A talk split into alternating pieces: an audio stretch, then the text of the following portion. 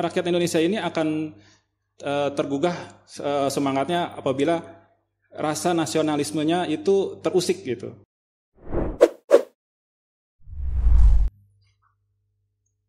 Halo sahabat BPHN, insan pengayoman dan sobat juara di seluruh Indonesia. Selamat datang bergabung dan mendengarkan podcast kita pada program Juara, Jurnal Refinding Bersuara, Suara Hukum Indonesia. Senang sekali karena pada hari ini saya Nurul bisa menemani sobat juara dalam beberapa waktu ke depan untuk mengupas salah satu jurnal yang menurut saya ini sangat menarik, yaitu Kedaulatan Wilayah Udara di Atas Alur Laut Kepulauan Indonesia atau ALKI. Sekilas dari judulnya saya rasa ini akan menjadi atau pembicaraan terkait permasalahan yang terjadi akibat perbedaan antara rezim hukum laut dengan hukum udara internasional yang terjadi di atas alur laut Kepulauan Indonesia atau ALKI itu sendiri.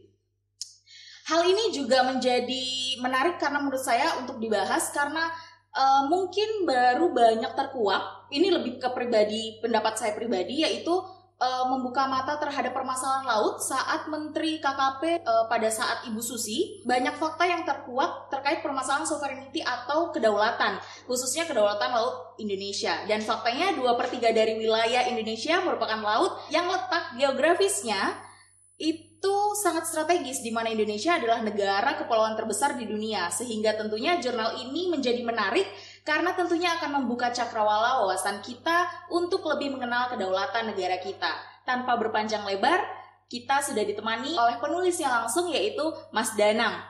Penulis dari jurnal Kedaulatan Wilayah Udara di Atas Alur Laut Kepulauan Indonesia atau ALKI. Selamat siang Mas Danang. Ya, selamat siang Mbak Nurul. Mas Danang boleh sedikit perkenalan dulu kepada Sobat Juara terkait uh, background Mas Danang sendiri? Uh, baik, nama saya Danang Risdiarto. Saat ini saya uh, menjabat sebagai Kepala Sub Bidang Ekuindaktur 2 di Pusat Analisis dan Evaluasi Hukum Nasional di Badan Pemilihan Hukum Nasional Kementerian Hukum dan HAM. Luar biasa. Mas Danang, setiap karya, karya tulis terutama, apalagi ini jurnal yang muncul itu pasti memiliki alasan yang kuat atau urgensi mengapa dibahas atau dituliskan oleh sang penulis. Dan munculnya ide, ide itu sendiri pasti dikarenakan adanya sebuah permasalahan. Kami ingin tahu dan mungkin Mas Danang bisa menceritakan sedikit kenapa memutuskan untuk memilih tema ini. Uh, baik, terima kasih Mbak Nurul. Jadi konsep dasar dari pemilihan tema ini adalah sebenarnya tema ini terkait uh, kedaulatan negara jadi sering terjadi eh, adanya pelanggaran uh, wilayah udara di atas alur laut kepulauan Indonesia. Hal ini bisa terjadi karena adanya perbedaan persepsi antara hukum laut internasional dengan hukum udara. Jadi di hukum laut internasional itu justru mengenal adanya rejim lintas damai. Sedangkan di hukum darat justru tidak mengenal adanya rejim lintas damai yang diatur di Konvensi Chicago.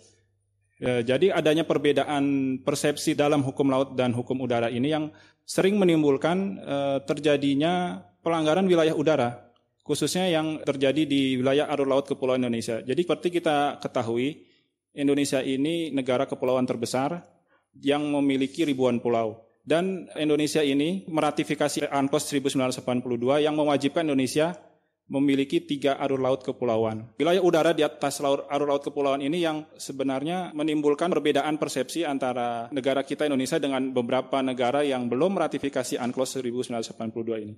Oke, okay. uh, eh, kalau misalnya seperti itu uh, terjadi beberapa perbedaan pendapat yang terutama udara dan laut bahkan dari penjelasan saya di awal pun itu sebenarnya saya sudah mispersepsi ya bahwa hmm. yang lebih uh, ditekankan pada jurnal ini sebenarnya lebih ke hukum udara. Yeah. Seperti itu.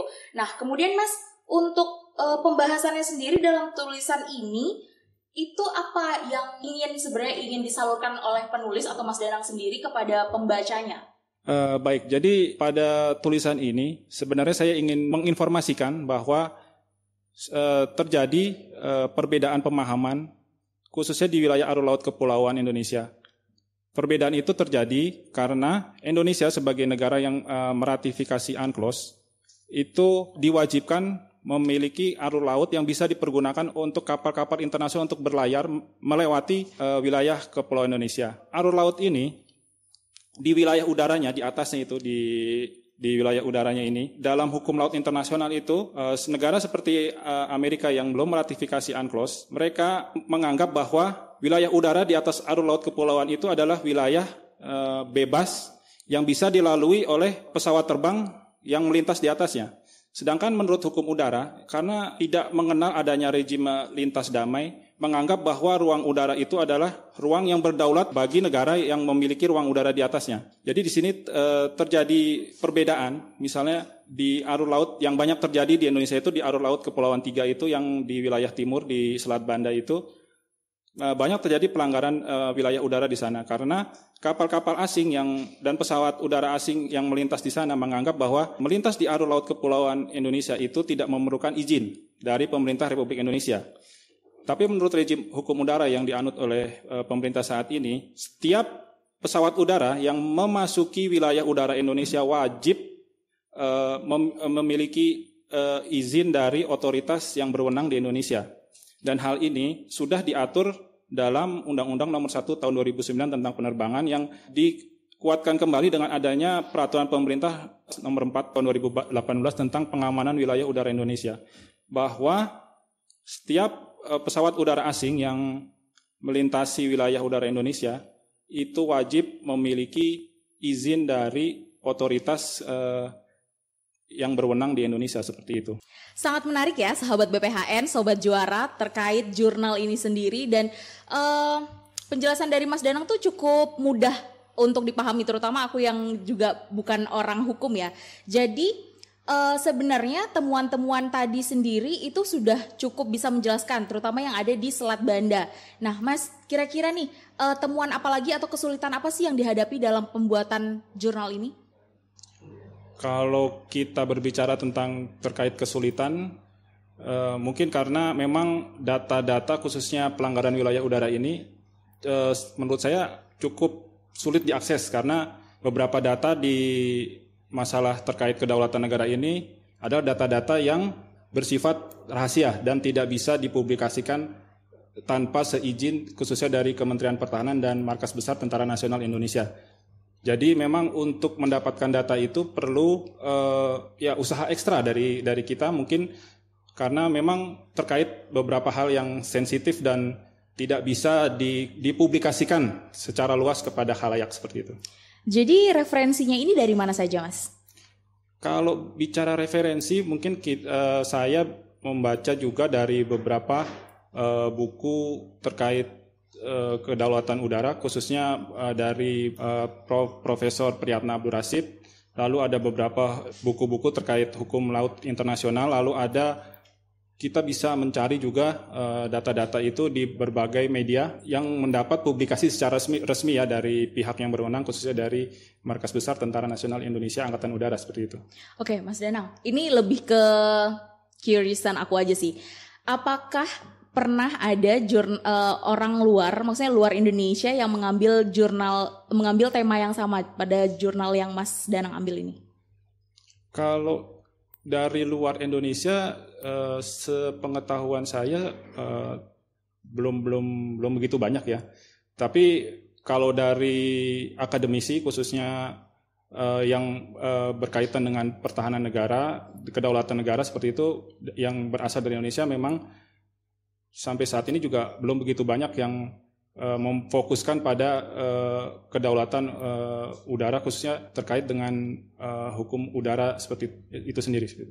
Wah berarti sahabat BPHN, sahabat juara ini jurnal ini salah satu jurnal yang menurut saya sangat kaya dan layak untuk dibaca oleh banyak orang ya di seluruh Indonesia bahkan. Nah mas selain akademisi di bidang hukum, atau mahasiswa yang sedang mengerjakan skripsi dan tesis, kira-kira kepada siapa atau cocok untuk dibaca siapa aja sih jurnal Mas Danang ini? Kalau menurut saya, uh, jurnal saya ini cocok atau layak untuk dibaca oleh beberapa instansi atau eh, rekan-rekan dari instansi atau kementerian yang terkait dengan uh, permasalahan ini, permasalahan kedaulatan udara ini, khususnya dari rekan-rekan dari Tentara Nasional Indonesia, dari Kementerian Perhubungan, dari Kementerian Pertahanan, dari Badan Intelijen Negara, lalu dari mungkin bisa juga dari beberapa LSM yang eh, peduli pada permasalahan terkait kedaulatan Indonesia ini, lalu pada insan-insan atau kepada khalayak yang memang e, menaruh perhatian kepada soal-soal kedaulatan negara karena ini memang kedaulatan negara ini isu yang sensitif. Rakyat Indonesia ini akan tergugah e, semangatnya apabila rasa nasionalismenya itu terusik gitu. Ini yang membedakan orang Indonesia dengan e, e, warga atau penduduk di negara lain karena memang ini menjadi isu yang sangat sensitif khususnya bagi Indonesia terkait dengan kedaulatan negaranya ini. Oke, kalau Mas Danang sendiri hmm. bilang ini bi harusnya bisa dibaca oleh teman-teman kementerian lain atau instansi yang terkait, berarti jurnal ini bisa menjadi masukan ya, ya. Uh, atas kebijakan-kebijakan untuk mempengaruhi kebijakan dari kementerian atau instansi yang terkait tentunya ya. ya. Oke, baik, uh, sobat BPHN, sahabat BPHN, sobat juara, mungkin bagi teman-teman ini bukan mungkin tapi harus sekali untuk teman-teman semua sahabat BPHN dan sobat juara membaca jurnal ini. Kenapa? Karena akan ada banyak uh, akan menambah hasanah atau menambah wawasan dari rekan-rekan pembacanya tentunya dan itu harapan dari penulis itu sendiri. Nah, untuk keseluruhan jurnal dapat teman-teman semua baca secara gratis di website refinding.bphn.go.id. Sekali lagi kita ingin mengucapkan terima kasih kepada Mas Danang karena telah hadir pada program kita hari ini, program juara dan tetap uh, semangat untuk menulis atau me, apa ya membuat karya-karya lainnya tentunya untuk pembangunan hukum Indonesia. Well, demikianlah program kita pada episode Juara Suara Hukum Indonesia kali ini. Kita akan kupas lebih banyak lagi jurnal-jurnal hukum lainnya yang tentunya tidak akan kalah menarik untuk dibahas dan tentunya akan menambah wawasan kita khususnya dalam pembangunan hukum Indonesia. So, stay tune. Jangan lupa untuk tekan tombol subscribe, share, like, dan komen untuk next jurnal yang menurut Sobat Juara menarik untuk kita kupas dan bahas di episode-episode selanjutnya. Saya Nurul mewakili seluruh kru yang bertugas mengucapkan terima kasih sampai jumpa di podcast Jurnal Refinding Bersuara lainnya and have a great day Sobat Juara.